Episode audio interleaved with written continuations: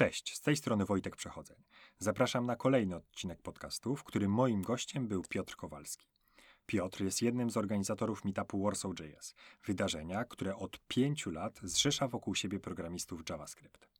W trakcie naszej rozmowy podzielił się ze mną historią całego przedsięwzięcia, motywacjami, które mu towarzyszyły przez tak długi czas, szczególnie, że ani nie było, ani nadal nie jest to jego pełnatatowe zajęcie, oraz sprzedał kilka wskazówek, szczególnie przydatnych dla osób odpowiedzialnych za organizację dowolnie wybranych wydarzeń. Posłuchajcie. Cześć Piotr. Siema Wojtek, siema. E, bardzo się cieszę, że przyjąłeś zaproszenie na do drugiego odcinka mojego e, podcastu. Jest mi niezmiernie miło. No i mi również jest miło. Trzymam kciuki za inicjatywę, trzymam, trzymam kciuki za wytrwałość, bo to najważniejsze. Dziękuję. Dla tych słuchaczy, którzy jeszcze nie mieli okazji ani zapoznać się, czy tam usłyszeć o inicjatywie Warsaw.js, ani e, poznać Twojej osoby, czy osobiście, czy, czy ze słyszenia, mógłbyś powiedzieć kilka słów o tym, czym się zajmujesz? Pewnie. Jako deweloper pracuję w branży od no, już 12 lat, także e, kawał czasu. A od 5 lat wraz z Kasią, moją partnerką, narzeczoną oraz Piotrem organizujemy Warsaw.js. Warsaw.js to jest taka organizacja, która ma kilka inicjatyw. E, korowa inicjatywa to są meetupy, ale mamy też różne szkolenia w naszej ofercie, że tak powiem. Brzmisz jakbyście byli firmą, a wydaje mi się, że nie jesteście. Jesteśmy firmą, e, musieliśmy założyć, e, ponieważ rozliczamy się z, ze sponsorami, więc e, tak, żeby wszystko było na legalu, no to wiesz, to musi być coś tam. Czyli jesteście małym przedsiębiorstwem. Ale też od grudnia, od 6 grudnia 2019 roku jesteśmy fundacją. Mamy własną naszą fundację, gdzie jest Rada Fundacji, z którą mieliśmy niedawno spotkanie i wypracowaliśmy sobie program na kolejne y, kilka miesięcy współpracy. To bardzo ciekawe. Jakiś czas temu yy, miałem takie przemyślenie, że yy, każdy z nas zna przynajmniej jedną, a może nawet więcej osób, która ma fundację. Fundacja teraz tak naprawdę jest tworzona w przeróżnych, nie tylko jakby środowiskach, ale też w przeróżnym celu. A czy mógłbyś powiedzieć, w jakim u Was konkretnie celu potrzebne było założenie fundacji? Czy pewnie, pewnie, pewnie. Mm, generalnie proces ten zakładania fundacji rozpoczął się ponad dwa lata temu. Przez dwa lata y, chcieliśmy założyć fundację, a nie mogliśmy. Z różnych przyczyn, w sensie przyczyny były takie, że sąd po prostu odrzucał nasze wnioski. Okay. Sześć tur składania wniosków mieliśmy. No nieważne, w każdym razie yy, celem fundacji jest to, żebyśmy mieli ten komfort współpracy z wolontariuszami.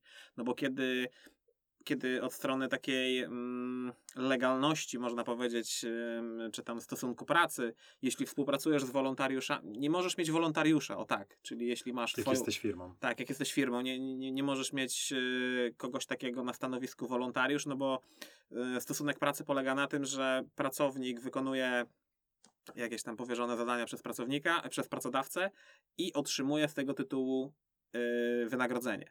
No, kiedy jesteś wolontariuszem, no to siłą rzeczy to jest wolontariat, czyli darmowo współpracujemy, więc y, mm, w sensie bez obrotu y, finansowego, więc chcieliśmy założyć fundację po to, żeby współpraca z wolontariuszami przy inicjatywach takich naszych jak na przykład szkolenia, workshopy, Warsaw Jazz Workshop, y, polega na tym, że no, współpracujemy z wolontariuszami, osoby, które mm, dookoła wydarzenia mm, pomagają, czy to y, od strony organizacyjnych, takich jeszcze przedwydarzeniowych, czy to podczas wydarzenia, czy to po wydarzeniu, jak chociażby sprzątanie.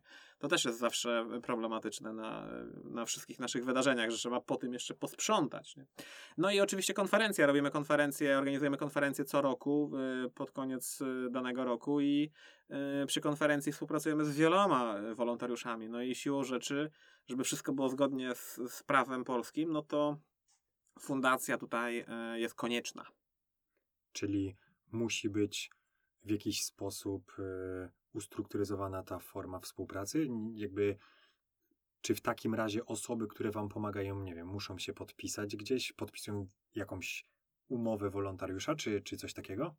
Yy, kiedy będzie, kiedy już mamy fundację, to tak, to chcemy coś takiego my wychodzimy z taką inicjatywą, żeby mm, wolontariusze podpisali taki dokument, że w sytuacji, kiedy będziemy mieli jakąś kontrol, która jest y, mm, bliżej nieograniczona, nie, nie, bliżej nieokreślona czasowo, więc prędzej czy później jakaś taka kontrol się pojawi, no to żebyśmy y, żyli spokojnie i żebyśmy nie musieli z tego tytułu jakoś tam się gorąco tłumaczyć, że dlaczego współpracujecie z kimś, komu nie płacicie, prawda? To jest jednak, y, no to jest nielegalne.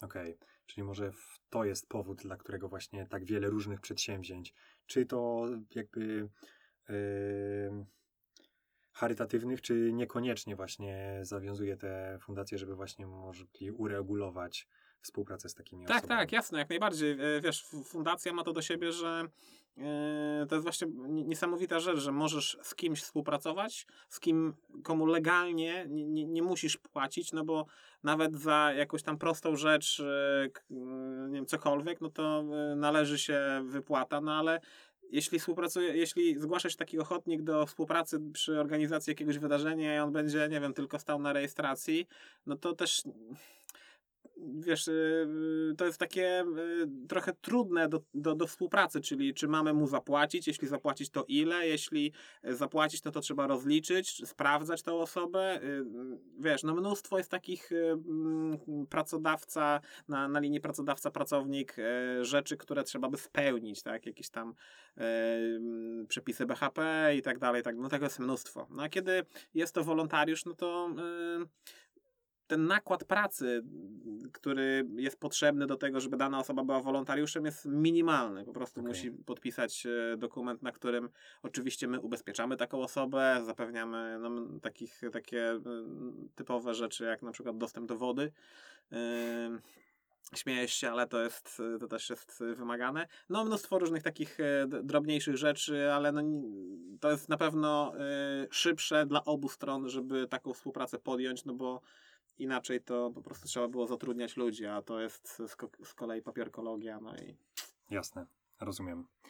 Am, w tym momencie chciałbym zrobić e, mały pivot i e, w związku z tym, że mam nadzieję, naszym tak e, planowałem głównym tematem będzie organizacja i historia waszego przedsięwzięcia, czyli, czyli Meetup Warsaw.js, czy tam ogólnie Meetupu i, i wszystkich innych przedsięwzięć.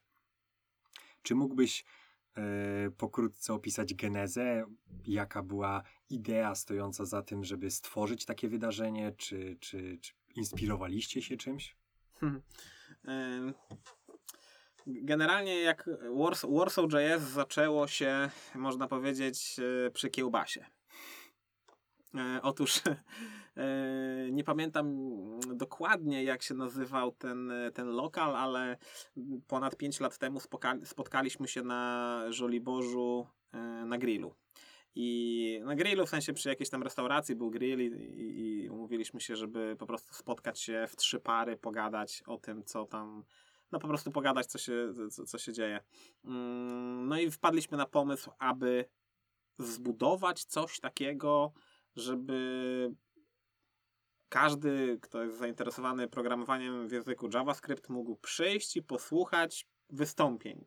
Nie wiedzieliśmy, ile tych wystąpień, nie wiedzieliśmy, kogo wziąć jako y, osoby, które miałyby coś mówić. Nic nie wiedzieliśmy. Po prostu był jakiś taki mm, pomysł, zróbmy coś.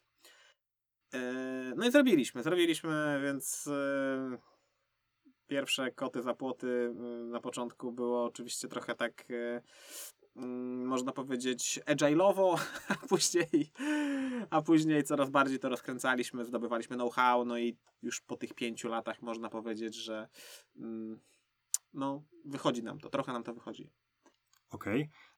Ale podejrzewam, że musiał być jakiś powód, dla którego, no bo czy, yy, Tak, tak, powód był, powód był prosty, jak najbardziej. E, Kiedy, wtedy, kiedy, e, właśnie wtedy, kiedy rozmawialiśmy o, mm, o tym pomyśle, to wszystko zaczęło się, że w, mm, nie było takiego wydarzenia cyklicznego, takiego systematycznego, cyklicznego, które by zachęcało ludzi do przyjścia po prostu, do, do, do spotkania się. Był Meet.js Warszawa i, i to jest taka organizacja, która ma mm, filie, nie wiem jak to nazwać, po prostu w różnych miastach w Polsce są Meet.jsy i fajnie, super.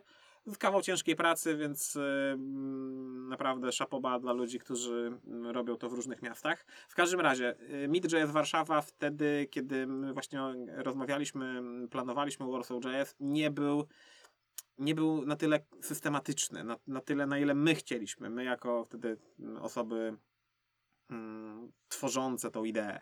Więc postanowiliśmy, że okej, okay, skoro nie możemy pójść na spotkanie, które ktoś organizuje, to sami zorganizujmy. No i tak spróbowaliśmy zorganizować, tak to właśnie wyszło. O. I tak od pięciu lat się udaje. tak. E, czy w takim razie w ciągu, na przestrzeni tych pięciu lat mieliście jaką, jakiś miesiąc, w którym nie było wydarzenia?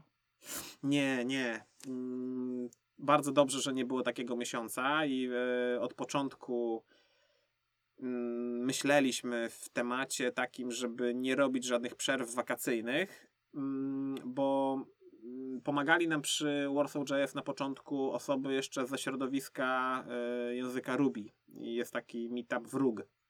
Warsaw Ruby User Group. No i chłopaki, którzy to organizują y, dłużej niż my, nie wiem, od 7 lat, 8, to oni robią przerwy wakacyjne i uważam, że też wtedy mm, jakieś takie głosy dochodziły do nas, że no szkoda, no bo co robić w wakacje? Przecież to nie jest tak, że przez dwa miesiące nagle wszyscy programiści wyjeżdżają i nikt nie pracuje. No, no nie ma tak.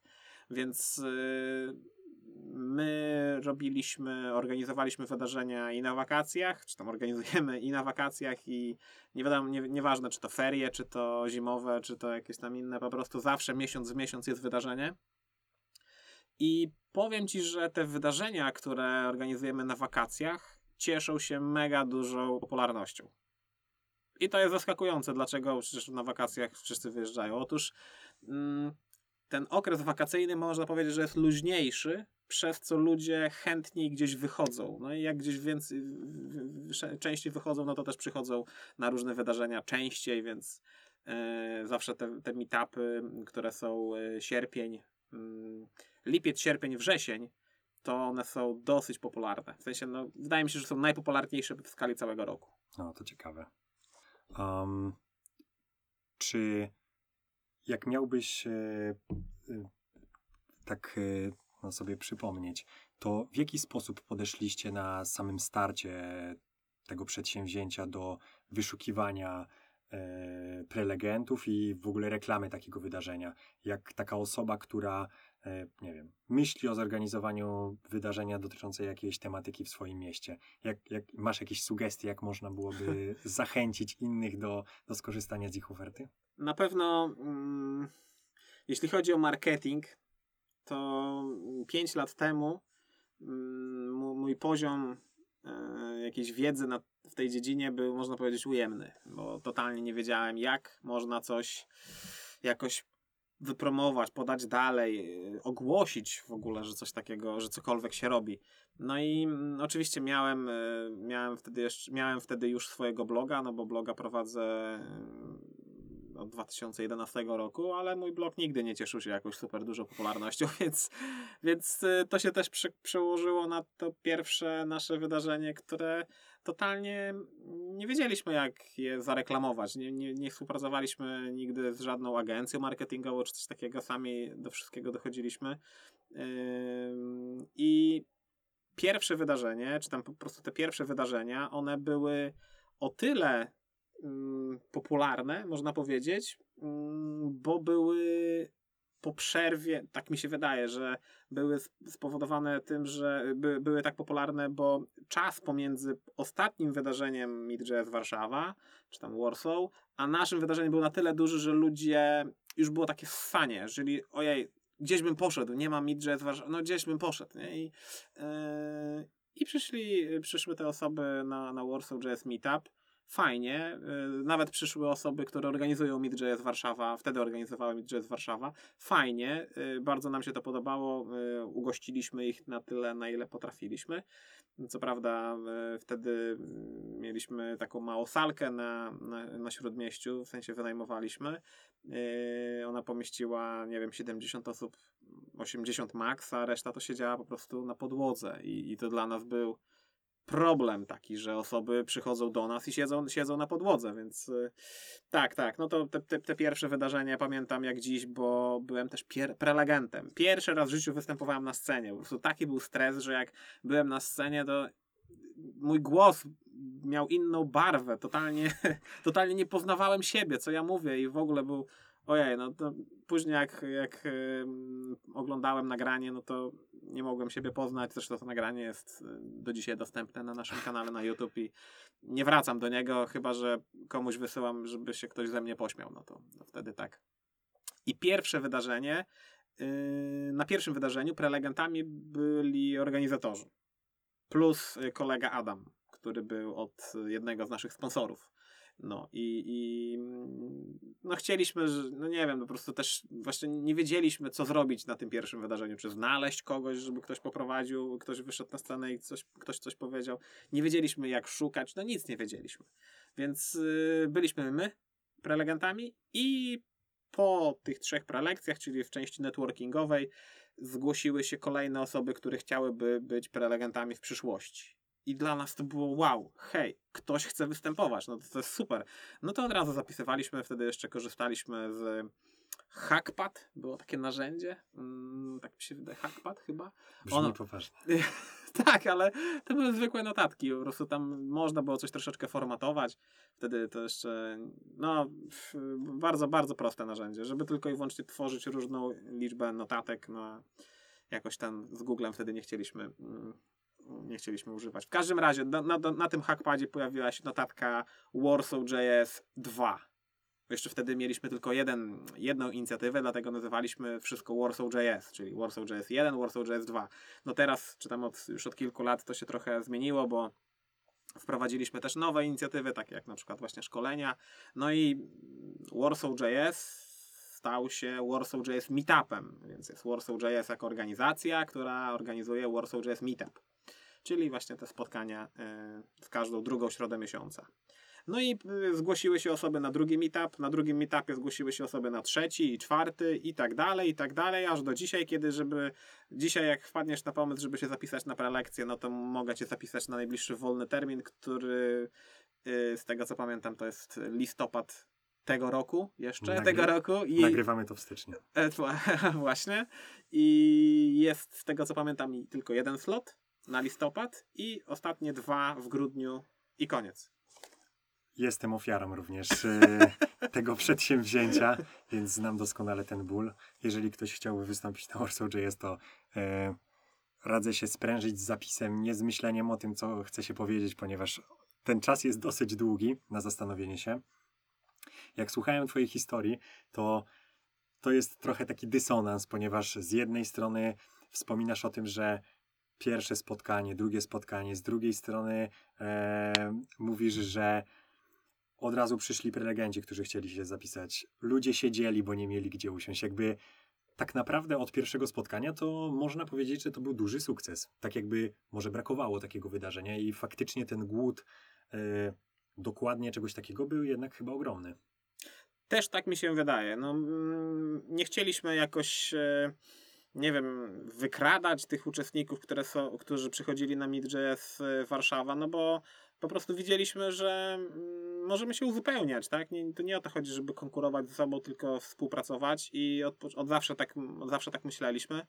E, I to, I to było fajne, kiedy ludzie przychodzili, przychodzą na wydarzenia nie tylko i wyłącznie, żeby wysłuchać tych trzech prelekcji, nie wiem, półtorej godziny i pójść do domu, tylko żeby właśnie zostać po trzech prelekcjach, po Lightning Talkach na, w tej części networkingowej, spotkać się ze znajomymi, pogadać przy kwaśnej lemoniadzie o programowaniu i zapisać się na kolejne występy, w sensie zapisać się na, jako prelegent na kolejne wydarzenia. No i hej, no to jest super, to jest, to jest społeczność. Tutaj właśnie mm, różnica może też względem innych meetupów polega na tym, że my nie celujemy tylko i wyłącznie w te trzy prelekcje i żeby one były na high levelu i one, i żeby konkurowały z prelekcjami konferencji amerykańskich, gdzie tam Dan Abramow opowiada o tym, y, że wprowadza hooksy i tak dalej, tylko mm, tylko każdy może wyjść na scenę. To jest też taki, taka swoboda przy meetupach, że my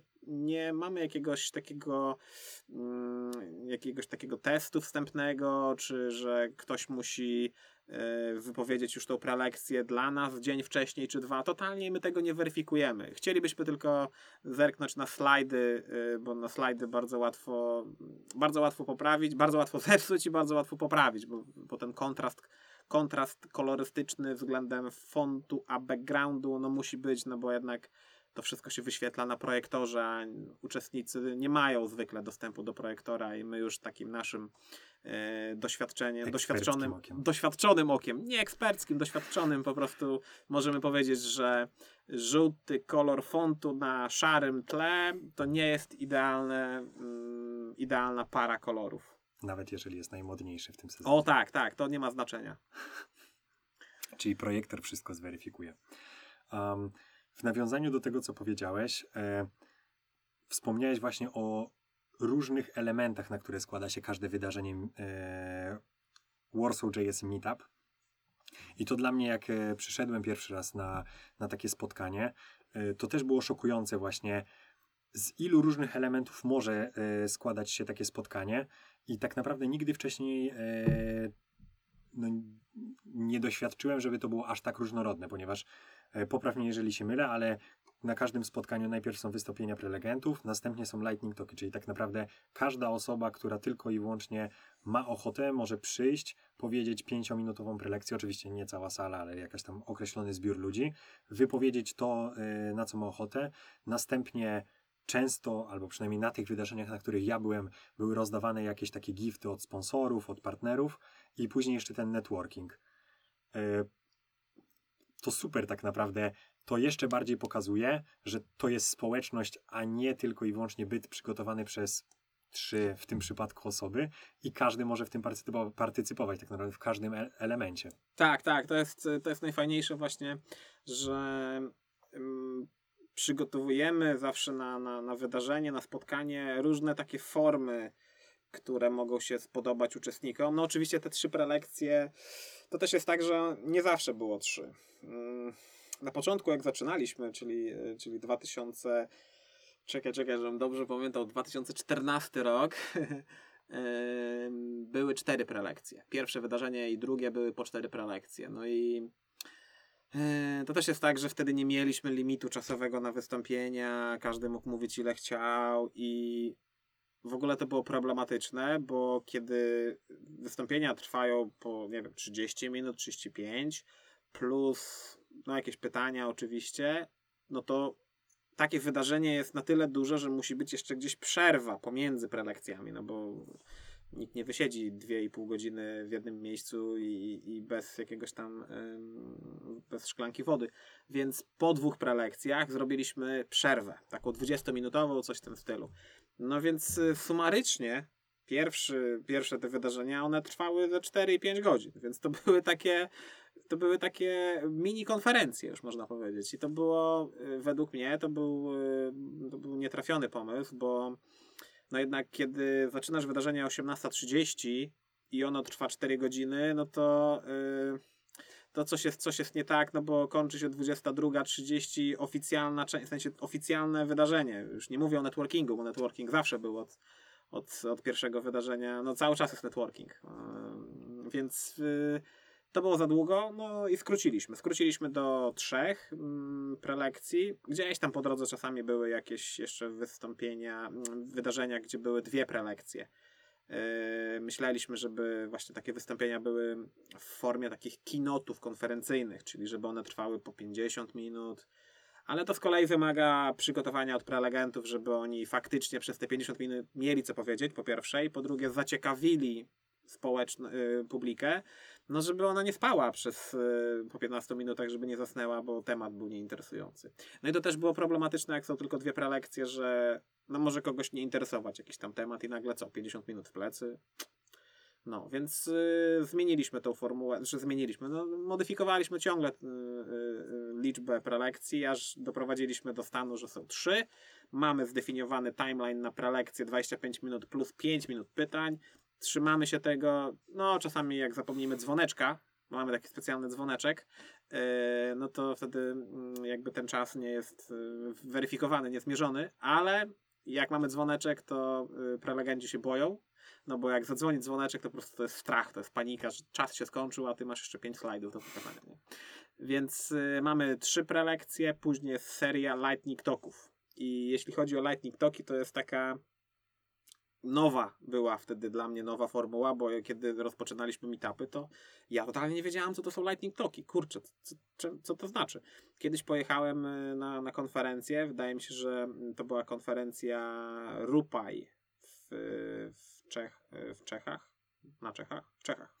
Yy, organizowana przez Zaiste. To jest taki, yy, taki chłopak, który zorganizował 10 konferencji różnych. Mm, Na początku Rupai organizował, później Polikonfy. To może też być yy, znana dla tutaj słuchających konferencja.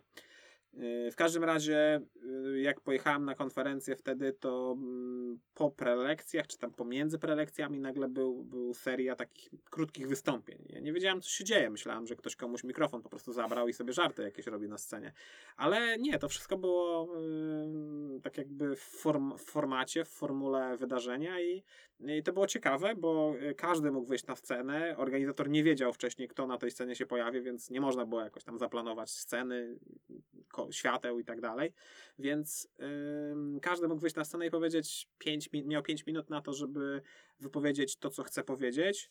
Ym, nie było to weryfikowane przez nikogo i to było super fajne, no bo nie, celem nie było tylko i wyłącznie przekazanie wiedzy zdobytej, y, czy tam po prostu swojego, ze swojego doświadczenia, ale na przykład pamiętam na, wtedy na Rupaju y, wyszedł mm, pan w ki- kilcie, w szkockim kilcie z y, Dudami. z dudami i zaczął przez 5 minut, no tam 4,5 minuty zaczął grać. Jezu, ja myślałem, wow, fajne, to jest super, kurczę, czemu, czemu, czemu by y, nie, nie użyć takiego formatu Lightning Talków y, i tutaj na naszych wydarzeniach też tego nie, nie wpleść.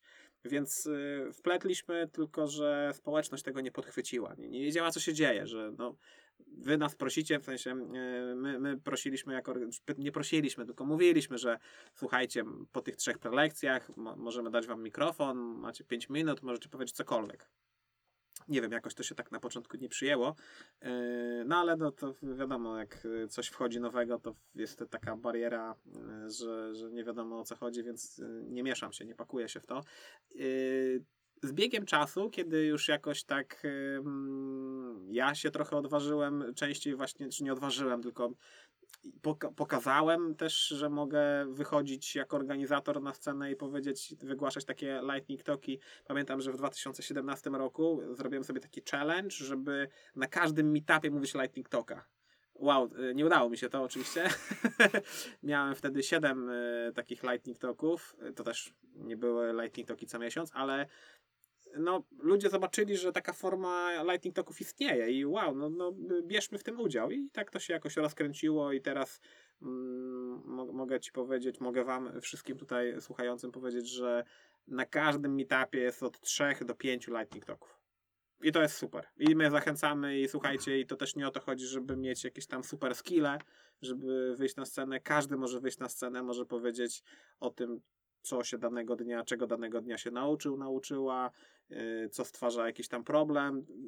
Bo później taki, takiego Lightning Talka można wykorzystać do tego, żeby pogadać już yy, w kuluarach przy networkingu o jakimś tam problemie i tak dalej. Nie? Więc yy, hej, korzystajmy z tego. Um, super, ja w ogóle jestem e, jakby też zachwycony tą formułą.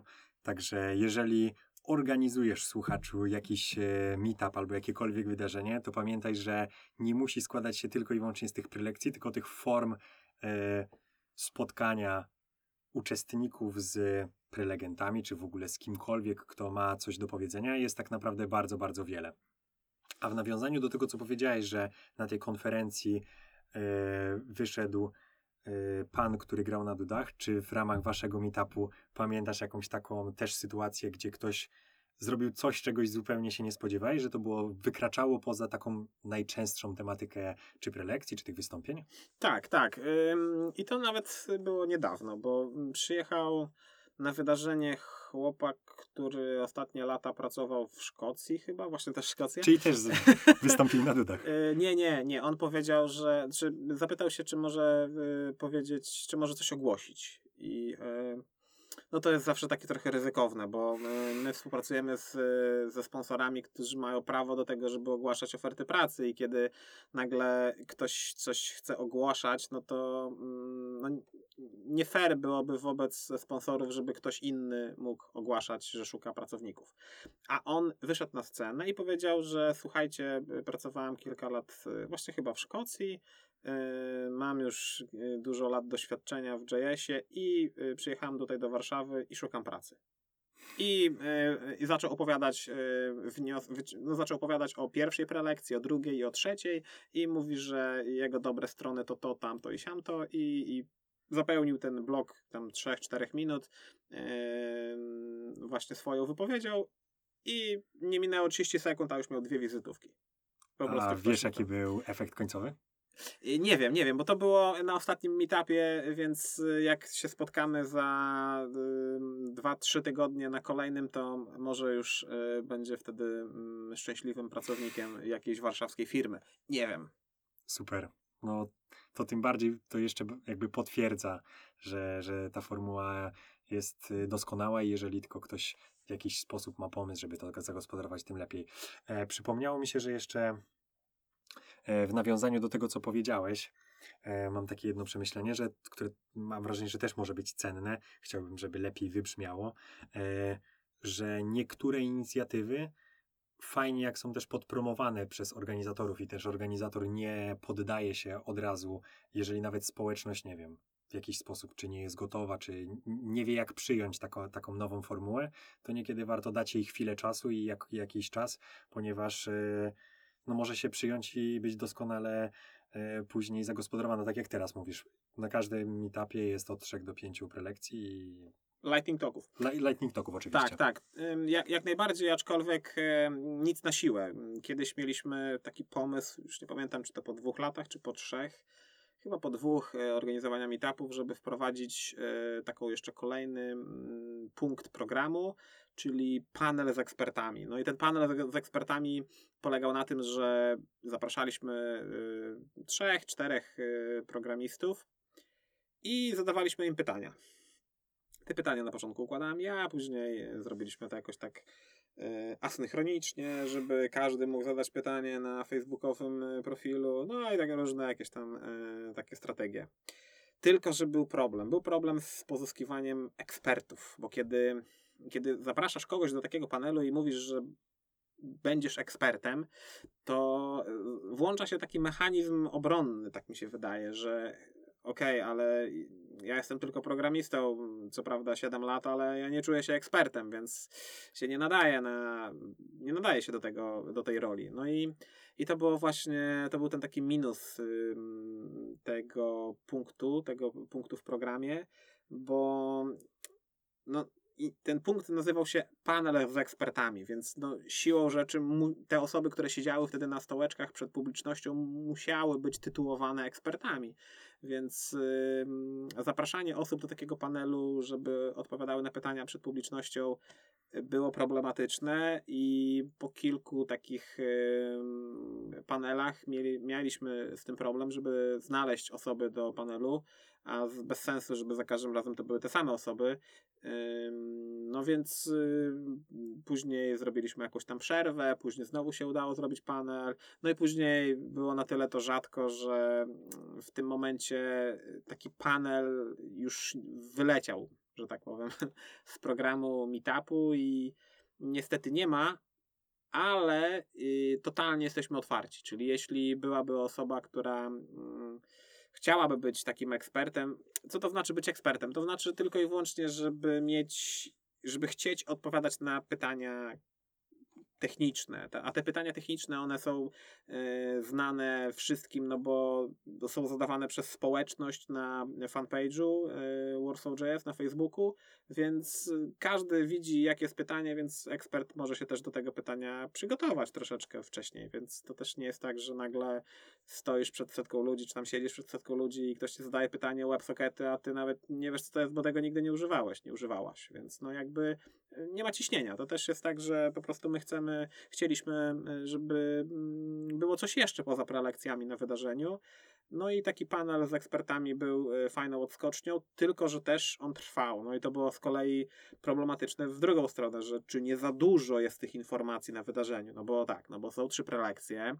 Czasami te prelekcje się wydłużają, jak zapomnimy dzwoneczka. Później są lightning talki, no też, jest, też to troszeczkę trwa, pomiędzy lightning talkami ten, te sekundy też się jakoś tam liczą, więc to już trwa około 20-2.15 plus dodajemy panel e, z ekspertami, który to trwa 25-30 minut, no to zaczyna to się robić 3-godzinne spotkanie. No i znowu jest ten problem, że hej, e, przychodzisz na wydarzenie, żeby posłuchać trzy prelekcje, a wychodzisz e, po trzech godzinach. No i to jest... Wyzuty po 8 godzinach wcześniej spędzonych w pracy. Właśnie, no właśnie, więc trochę myślę, że warto zadbać o taką, hmm, jakby powiedzieć, o taką skrum, skrupulatną, e, skru, o czas po prostu, żeby dbać o czas, pilnować czasu, taki time manager.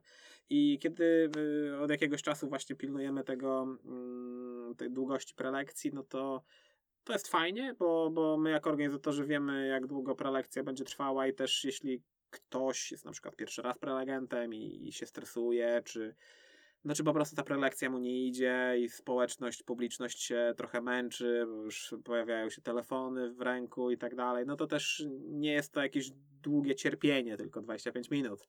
Yy, mogło być gorzej, tak jakby, nie? Więc yy, Oczywiście wtedy taka osoba zawsze dostaje feedback od, od organizatorów, od uczestników, więc y, no, my zawsze się staramy dawać szansę, drugą czy trzecią, to też nie, nie jest problematyczne takiej osobie, bo właśnie po to zostało stworzone Warsaw.js, żeby każdy, kto chce, mógł powiedzieć, mógł coś powiedzieć, żeby, żeby dać taką wolność y, wymiany słowa.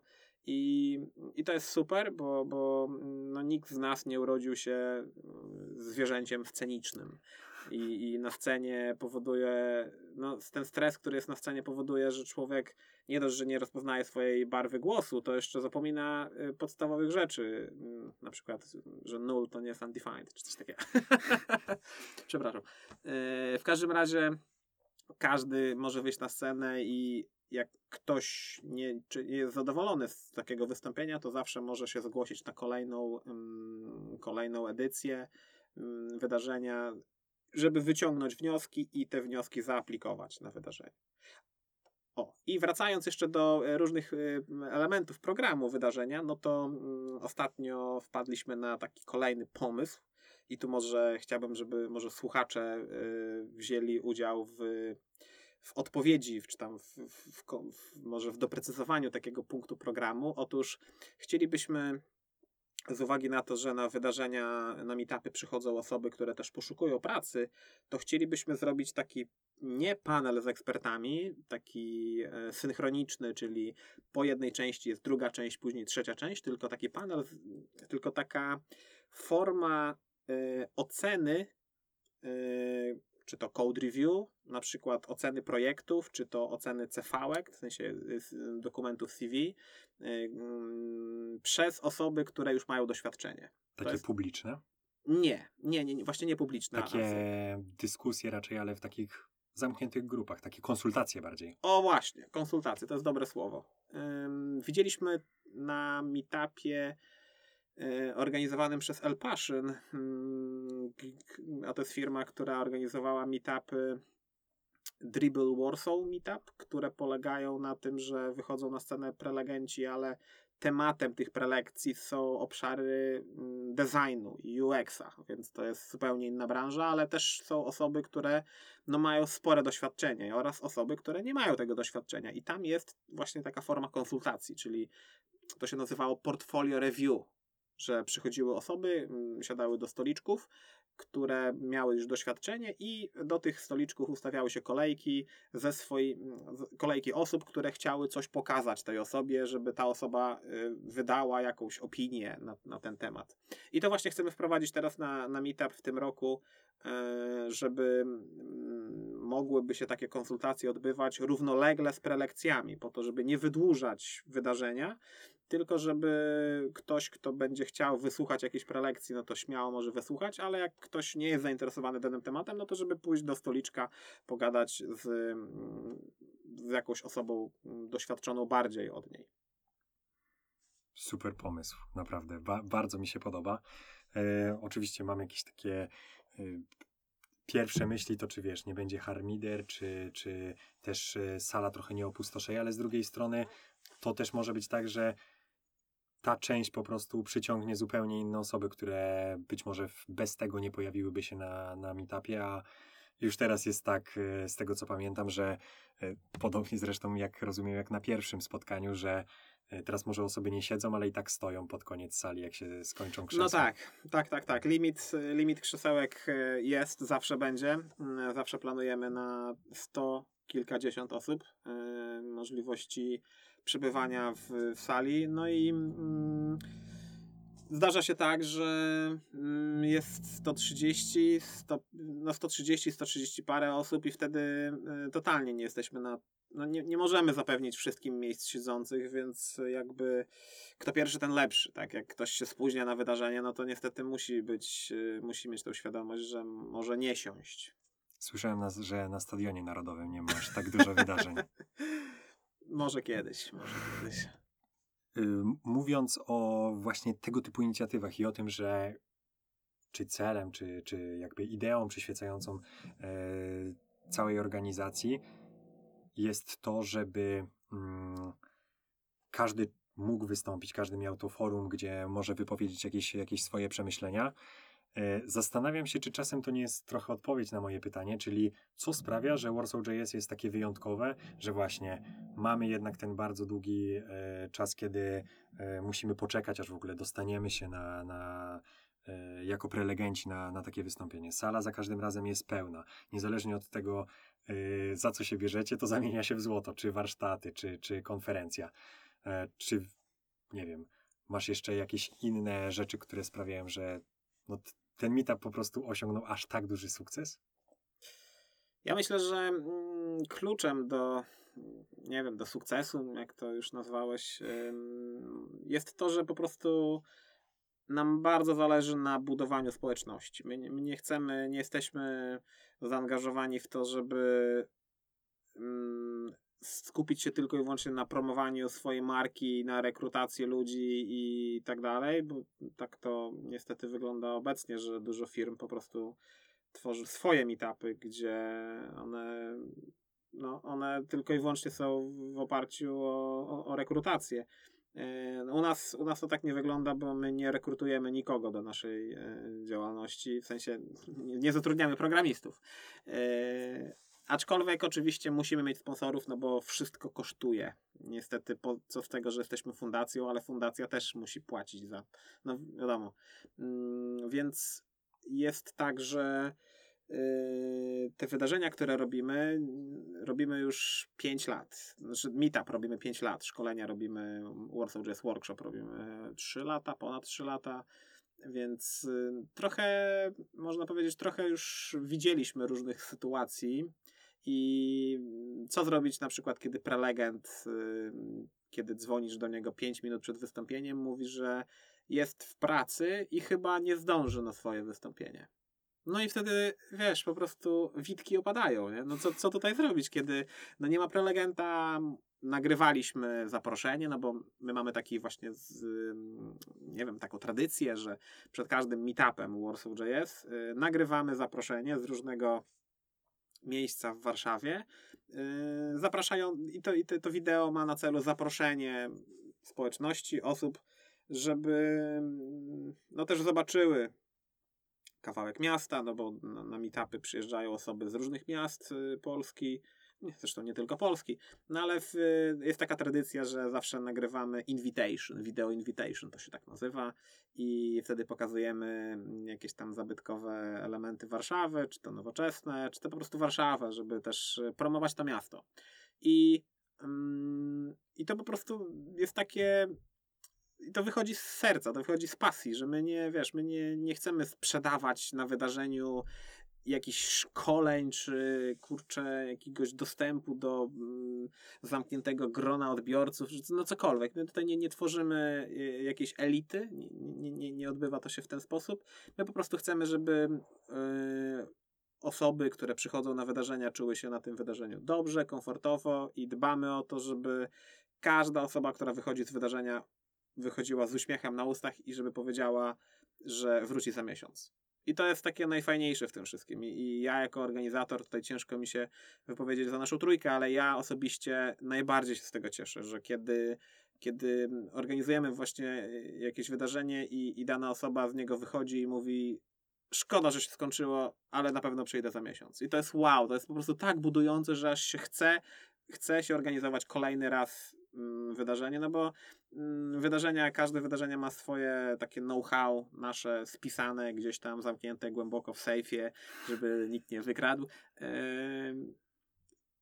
I miesiąc w miesiąc jest ta seria kilkudziesięciu, może no, kilkuset to może nie, ale no, w, w, okolicach 80 e, zadań, które trzeba wykonać przed wydarzeniem, żeby to wydarzenie miało miejsce. Oczywiście to są od takich super dużych wydarzeń, od takich, takich super dużych zadań, jak na przykład wbudowanie agendy, mm, po jakieś tam mniejsze, więc e, e, typu na przykład, żeby mikrofon nagłowny był, a nie, nie tylko tłoczek, czyli ten taki do ręki. W każdym razie mm, dużo, dużo rzeczy trzeba zrobić i pierwsze wydarzenia były bardzo takie agile'owe, można powiedzieć. Takie po prostu wow, zróbmy coś, nieważne jak to będzie, zróbmy coś. I później z miesiąca na miesiąc spisywaliśmy sobie to know-how, no i tak po tych pięciu latach mm, meetup dojrzał do takiego fajnego wydarzenia. Fajnego wydarzenia z, z, z, od strony uczestnika, ale też od strony organizatora, że my wiemy, wiemy czego się spodziewać, jeśli się coś złego stanie, to wiemy jak tą sytuację rozwiązać, bo już bardzo podobnego coś na pewno już przechodziliśmy, bo naprawdę były różne sytuacje. Um, mam jeszcze e, takie jedno pytanie. W związku z tym, że wspomniałeś o tej nowej inicjatywie, która no, ewidentnie jest dedykowana właśnie takim osobom, czy to bez doświadczenia, czy takim, które no jeszcze szukają tak naprawdę pewnie zaczepienia w jakiejś pierwszej firmie, bo potem ta kariera programisty bardzo często już idzie, idzie, idzie jak spłatka. E, szczególnie w dzisiejszych czasach, kiedy ten rynek pracy programisty wygląda jak wygląda. To czy w takim razie, jaka jest struktura uczestników Warsaw.js? Czy to są osoby, które właśnie przychodzą, żeby dowiedzieć się pierwszych rzeczy na temat, y, na temat programowania? Czy to jest miejsce, w którym poszukują pierwszej wiedzy, czy raczej to jest miejsce dla spotkań dla już doświadczonych e, programistów, którzy prowadzą y, święte wojny w trakcie networkingu na temat jakichś, jakichś tematów programistycznych? Mhm. Wiesz co, y, to jest różnie. Jest różnie, bo, bo wszystko zależy właśnie od y, tematów, mm, które są na wydarzeniu. Mm, są tematy dla początkujących i tak ewidentnie dla początkujących, na przykład mm, jak zacząć y, jakąś przygodę z frontendem, czy, czy takie, low, takie bardzo, bardzo proste, takie podstawowe elementy języka i to są super prelekcje, bo bo na nie zawsze y, przychodzą osoby bez doświadczenia, takie, które totalnie nic, albo które tylko w HTML-u coś tam i, i wow, jest JavaScript i wow, można pętle, można funkcje. To jest, to jest fajne. Więc wtedy, wtedy frekwencja, mm, frekwencja się nie zmienia, ale wtedy osoby początkujące y, na pewno zapewniają, zapełniają salę bardziej, y, ale myślę, że taki, taka regularna tak jakby mm, struktura że e, osób na sali jest tak, że mniej więcej 60-70 osób to są osoby, które są na początku ścieżki kariery, czyli które nie mają jeszcze doświadczenia za, zawodowego, które może nie mają GitHuba nawet jeszcze i nie wiedzą, że jest potrzebny, no i przychodzą na wydarzenie i nagle otrzymują set informacji, zestaw taki mega duży i, i jeszcze nie, często dostają, otrzymują e, wskazówki od, od osób, które już są w branży, czyli e, słuchaj, zrób to, to, to i siamto, i później się do mnie odezwie i dam ci znać, co dalej. I to jest takie już bardzo, e, bardzo wyciągnięcie ręki do, do osób, które zaczynają w branży. Mm, I super, i my się z tego cieszymy i promujemy takie aktywności. Właśnie taki, taki był cel, taki jest cel mm, tych naszych działań, po to, żeby osoby mogły sobie wejść na rynek, łatwo, w sensie łatwo, żeby mogły mieć jakąś tam ścieżkę, żeby zostać programistą, programistką mm, w branży IT w naszym świecie frontendu i backendu też oczywiście. A jak często zdarza się, że e, przychodzi faktycznie osoba i mówi dzięki Piotrek, czy, czy dzięki. No, Piotrek akurat, no, dlatego że jesteś jednym z organizatorów. E, byłem, spotkałem się z, z wami pierwszy raz, e, usłyszałem o programowaniu dzięki Warsaw.js albo z, nawiązałem pierwsze kontakty dzięki, dzięki waszemu meetupowi. Teraz mam pracę i jakby horyzonty są super szerokie i otwierają się wiele dróg, e, wiele dróg na przyszłą karierę. Często się to zdarza? Często, często i to jest bardzo fajne. Bardzo fajne, bo mm, nawet takie osoby, które właśnie przychodziły na początku swojej ścieżki y, kariery do, do nas jeszcze bez doświadczenia i mm, mało wiedziały, ale chciały uczestniczyć w wydarzeniu i przychodziły na meetupy y, i słuchały prelekcji, nie wiedząc jeszcze, co się dzieje.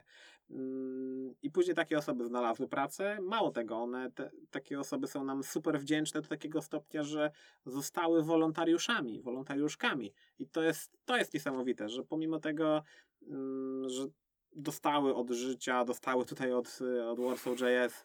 Yy, Warsaw.js to życie. tak. Yy, dostały jakąś taką yy, pomoc Mm, na starcie, to później nie zapomniały o Warsaw.js i chcą się jakby zrewanżować, może tak jakby pomóc mm, innym, żeby, żeby też um, zacząć tą ścieżkę kariery w branży. Mm, no i to jest super, to jest wow, to jest niesamowite i to jest taka naj, najlepsza rzecz, kolejna, kolejna ważna rzecz y, w organizacji wydarzeń, że to nie tylko, nie tylko my, jako trójka nasza, jest y, w 100% zaangażowana w organizację wydarzeń, ale są też wolontariusze i, y, i to jest super fajne, kiedy mamy osoby, które mogą pomóc przy organizacji wydarzeń, no bo to też jest tak, że no, każdy ma swoje życie i nasza trójka nie jest, nie, nie jest tylko i wyłącznie zaangażowana w Warsaw.js, tylko każdy z nas ma swoje życie, gdzie jeszcze są różne mm, czasami jakieś tam problemy, no więc nie, nie jest tak, że jesteśmy na zawsze na każdym wydarzeniu. I ja pamiętam, jak pierwszy raz nie mogłem być na jakimś meetupie, to wtedy po pierwsze, że coś mi się tak jakby w sercu jakby krwawiło, bo kurczę, no nie mogę być na wydarzeniu. No i po drugie, boję się, że to wydarzenie się nie uda. No bo jestem, bo pierwszy raz mnie nie ma i co się dzieje. Czy będzie miał kto zadzwonić dzwoneczkiem? No na przykład, na przykład, nie? To jest super ważne zadanie, więc no, nie, nie, mu, musi być osoba, która jakoś pilnuje czasu. Ale z tego co pamiętam, y, wydarzenie beze mnie się odbyło i się odbyło i było bardzo dobre, więc y, naprawdę to nie ma znaczenia. Każdy z nas jest potrzebny y, przy organizacji, ale jeśli zabraknie jakiejś osoby, no to poradzimy sobie z tym, poradzimy sobie. Przy takiej spójnej społeczności to jednak jest pewnie fajne, że e, jednak pewne rzeczy są zdywersyfikowane i nawet jeżeli, nie wiem, dana osoba ma zły dzień, no to jest ta społeczność, która może równie dobrze przejąć pewne odpowiedzialności i nie ma z tym żadnego problemu. Um, będziemy powoli e, płynąć już do brzegu, ponieważ e, już rozmawiamy sporo czasu, ale są jeszcze dwa pytania, które no, nie mogę Cię wypuścić z naszego e, studio, zanim e, ich nie zadam. Um, pierwsza rzecz, to nie wiem, czy słyszałeś, ale e, jakiś czas temu e, było głośno o tym nie, w niedalekiej e, przeszłości, E, o takim e, przedsięwzięciu Macieja Niserowicza, któremu udało się e, zorganizować taki kurs online i on tak naprawdę osiągnął bardzo duży ekonomiczny sukces. Ten sukces był liczony w milionach, tam przychód wynosił ponad 4 miliony złotych. I całe przedsięwzięcie polegało na tym, że Maciej Niserowicz jako marka osobista firmował swoim nazwiskiem pewien kurs, w którym oczywiście wzięły udział E, znane osoby, też rozpoznawalne na, e, na rynku programistycznym. I moje pytanie brzmi następująco. E, czy ty w imieniu organizatorów WordSearch.js możesz się wypowiedzieć, czy jako organizacja, również która tak naprawdę w moich oczach też dysponuje jakiegoś rodzaju autorytetem, jakiegoś rodzaju marką tego brandu, plus żywą społecznością, jak już ustaliliśmy, i tak naprawdę dosyć obszerną. Oczywiście zlokalizowaną w jednym mieście, ale myślę, że też nie tylko przez to, że są i transmisje, i, i nagrania na YouTubie. Czy myśleliście, myślałeś lub dostawaliście jakieś e, oferty właśnie takiego przedsięwzięcia, żeby zmonetyzować e, no to zawsze dziwnie brzmi, tą swoją społeczność, ale umówmy się, taka monetyzacja nie musi koniecznie iść do waszych kieszeni, choć uważam, że to też nie ma w tym zupełnie nic złego, ale tak naprawdę mogłaby przynieść określone zyski w obrębie społeczności, które mogą być spożytkowane na dowolnie duże inne przedsięwzięcia w obrębie społeczności. Hmm. Mieliśmy, mieliśmy takie, mm, nie wiem jak to nazwać, zapytania, prośby, czy może dobre wskazówki, aby jednak y, zrobić coś podobnego. No bo przecież tak to dobrze innym wychodzi, no to nam też musi tak dobrze wyjść. E, ale to też jest tak, że kiedy ja, jeśli ja kiedyś, jeśli ja czegoś, jeśli ja nie czuję y, czegoś tam, żeby to, to zorganizować, żeby w, zaangażować się w daną, w daną rzecz, no to i kiedy zaangażuję się, no to, to po prostu się nie uda, więc y, no, my, my tak działamy we trójkę, że jednak zawsze rozmawiamy ze sobą i wy, wylistowujemy plusy, minusy, czy jest sens się w coś tam angażować, czy nie. Mm, I może faktycznie, może takie kursy przynoszą spory dochód i yy, super, fajnie. Yy, przychód na poziomie 4 milionów jeszcze, no to jest myślę, że kawał. Yy, kawał gotówki, czy tam kawał takiego zaplecza finansowego. Oczywiście są też koszta, no ale no to mm, tego to o tym to mało kto wie. e, aczkolwiek wracając do, do tego korowego pytania, nie chcemy na ten moment mm, angażować się w takie w taki kurs, który byśmy podpisali naszym mm, logiem, czy tam naszą marką, bo to też jest tak, że y, fajnie jest zrobić coś mm, na początku, w sensie coś pierwszy raz, kiedy na przykład nie było żadnych kursów i Maciek wypalił z pierwszym kursem, czy tam z, z, z drugim, bo to pierwszy kurs jakoś nie za bardzo mu się tam yy, powiódł. Yy, ten drugi, drugi czy trzeci yy, super. I to były takie kursy, kiedy faktycznie, no nie wiem, to jakoś jakby wchodzi, wchodzi na rynek taka taki sposób sprzedaży swojej wiedzy, co uważam, że jest super i fajnie i gratuluję Maćkowi i trzymam kciuki, żeby więcej takich kursów powstawało, no bo e, skoro, mm, skoro taki, taki jest przychód, no to dużo ludzi musi kupować. Yy, może kiedyś sam coś takiego zorganizuję, ale ja mam z tym problem, że kiedy już dawno temu, kiedy chciałem jeszcze z kiedy Udemy wchodziło właśnie, chciałem coś nagrać, to, to jakby czuję taką presję, taką barierę jednak, że kurczę, nagram kurs i później on się zdezaktualizuje. No a w naszym świecie, w świecie JS-a to jest tak tak to się szybko wszystko zmienia, że kiedy dzisiaj przychodzisz do pracy, mm, sobie piszesz w JavaScriptie, y, a jutro przychodzisz nagle nowa specyfikacja, nowa składnia, już się nie potęguje, no więc no, generalnie bardzo szybko to się zmienia. I martwiłem, martwię się tym, że jak coś nagramy, coś, coś zostanie stworzone i zarchiwizowane, to to się zdezaktualizuje i przestanie mieć y, wartość. I Zauważ, że wszystko to, co my robimy, wszystkie te inicjatywy, one są um, online, nie online, tylko um, offline, w sensie one są face to face, żeby ktoś tam się spotkał z kimś. Oczywiście mamy live streaming, który, live streaming na meetupie, żeby osoby, które nie mogą być na wydarzeniu, żeby mogły, mogły go oglądać, ale to nie jest tak, że my jakoś tam, nie wiem, sprzedajemy te prelekcje, czy że sprzedajemy warsztaty w formie nagrań wideo. Nie, nie, nie, nie wchodzimy w taką mm, formę y, wymiany wiedzy. Y, to też jest właśnie taki aspekt, że bardzo lubimy kontakt z ludźmi i taki był też cel Warsaw.js, czyli aktywizacja ludzi, społeczności, żeby osoby były zaangażowane nie tylko w pobieranie rzeczy, w sensie w, w uczenie się, ale też i w przekazywanie tej wiedzy dalej.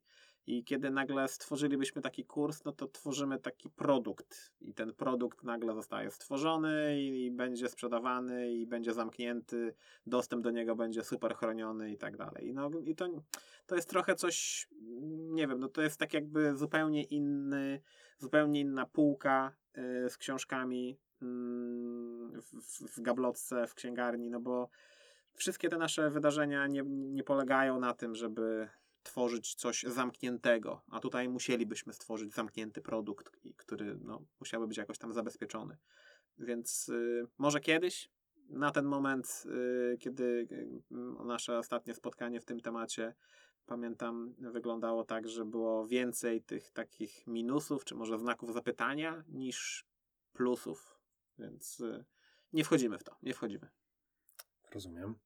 Um, moje drugie i ostatnie związane z organizacją meetupów y, pytanie y, brzmi Warsaw.js osiągnęło sukces, co już udało nam się ustalić, ale nadal jest, jak sama nazwa wskazuje, tylko i wyłącznie lokalnym warszawskim przedsięwzięciem, przez który przewija się określona grupa osób. Czy myśleliście o eksplorowaniu innych większych miast lub dostawaliście e, jakieś propozycje e, czy pytania, czy moglibyście pod, e, czy ktoś mógłby na przykład pod waszym szyldem lub powered by Warsaw.js zorganizować spotkanie w innym na przykład dużym mieście? Tak, tak. I, I pamiętam, że takie zapytania były już na początku naszej organizacji meetupów, no bo generalnie pomysł w dzisiejszych czasach to każdy może sobie stworzyć i, i hej, no róbmy to. Yy, w sumie tak powstał Warsaw.js, ale... Ale nawet wtedy, mimo że to było 5 lat temu, był inny meetup w zasadzie o tym samym, więc y, to nie był Greenfield. Mm, dokładnie, dokładnie, więc to takie, to jest trudne, szczególnie kiedy my jako nasza trójka jesteśmy w jednym mieście i jakby kontrolujemy sytuację wydarzenia, czyli możemy podjechać do miejsca, w którym będzie takie wydarzenie, możemy coś przywieźć na, na, na, na wydarzenie i tak dalej, a kiedy nagle robilibyśmy wydarzenie w innym mieście, no to logistycznie już się zaczynają schody. E, co prawda mamy wolontariusza, który mm, z tego co pamiętam, e, mieszka na co dzień we Wrocławiu i, i tam, tam mógłby coś zorganizować coś w stylu Wrocław.js czy coś takiego, ale, yy, ale to się nie uda, bo to się nie uda, bo przy organizacji, szczególnie przy rozkręcaniu czegokolwiek, jest naprawdę potrzebna duża ilość, duża ilość pracy. I kiedy ta i duża ilość pracy byłaby skoncentrowana na jednej osobie, która jest na miejscu, no to po prostu ta osoba by nie, nie, nie wytrzymała tego wszystkiego. Więc no, naprawdę natłok zadań takich logistycznych, takich. Yy, Mm, do, związanych e, z administracją, e, jakieś tam podpisywania umów, no mnóstwo jest tego wszystkiego i mm, musiałby być to taki etat osoby, która by tylko i wyłącznie tym się zajmowała i mogłaby coś takiego zrobić, no ale na ten moment nie jesteśmy w stanie e, zatrudnić takiej osoby, więc nie, nie, nie, nie rozpędzamy się na cały świat, na całą Polskę i dobrze jest, y, dobrze jest organizować wydarzenia w jednym mieście, bo przynajmniej możemy się skupić na tych wydarzeniach i, i to też jest tak, że my nie, nie chcemy robić tych y, wydarzeń na, na ilość, czyli nie chcemy jak najwięcej, jak najwięcej, żeby tam jakieś e, rekordy bić, czy po prostu na crosswebie być wyżej. Tylko mm, chcemy dbać o jakość, czyli mamy pewien taki know-how, zestaw zadań, które trzeba wykonać i zawsze te zadania wykonamy, wykonujemy, bo jeśli wiemy, że jeśli nie wykonamy jakiegoś tam zadania, typu y, nie pozyskamy y, slajdów od każdego prelegenta kilka dni wcześniej, no to może być tak, że nagle na tych slajdach pojawi się żółty kolor na siwym i pff, i ciach, no i jest, jest średnio wtedy. Więc y, po prostu te zadania nam pozwalają osiągnąć jakoś tam taki jakąś taką jakość wydarzenia, na którą, pod którą się podpisujemy. Y, czy te wydarzenia są idealne? Na pewno nie są i my nie chcemy, żeby tak się myślało o takich wydarzeniach, no bo to wtedy totalnie wtedy się blokuje jakaś tam forma rozwoju. Y, My się ciągle rozwijamy i to jest fajne, że możemy ciągle jakoś tam urozmaicać, urozmaicać wydarzenia po to, żeby były ciekawsze i żeby zachęcały do y, przyjścia kolejne osoby. I to jest właśnie y, zagadka, że, że jak to jest, że na każdym meetupie, kiedy pytamy się na początku meetupu, podnieście rękę osoby, które są pierwszy raz na wydarzeniu, no to zawsze jest połowa ludzi, połowa sali, która podnosi taką rękę. No ja nie wiem skąd to się bierze, przecież od pięciu lat już organizujemy takie wydarzenia i nagle yy, 50 osób podnosi rękę, że jest pierwszy raz. No to przecież, no, to, no ja nie wiem, no to, to znaczy, że, że po prostu dużo jeszcze przed nami i to jest super. Czyli ten stadion narodowy. Yy, może, może. Yy, ostatnio, ostatnią konferencję w 2019 roku mm, organizowaliśmy w Instytucie Lotnictwa, także no, później jeszcze przyjdzie płyta lotnictwa, lotni, lotniska i później stadion właśnie. Konferencja wysokich lotów. to prawda.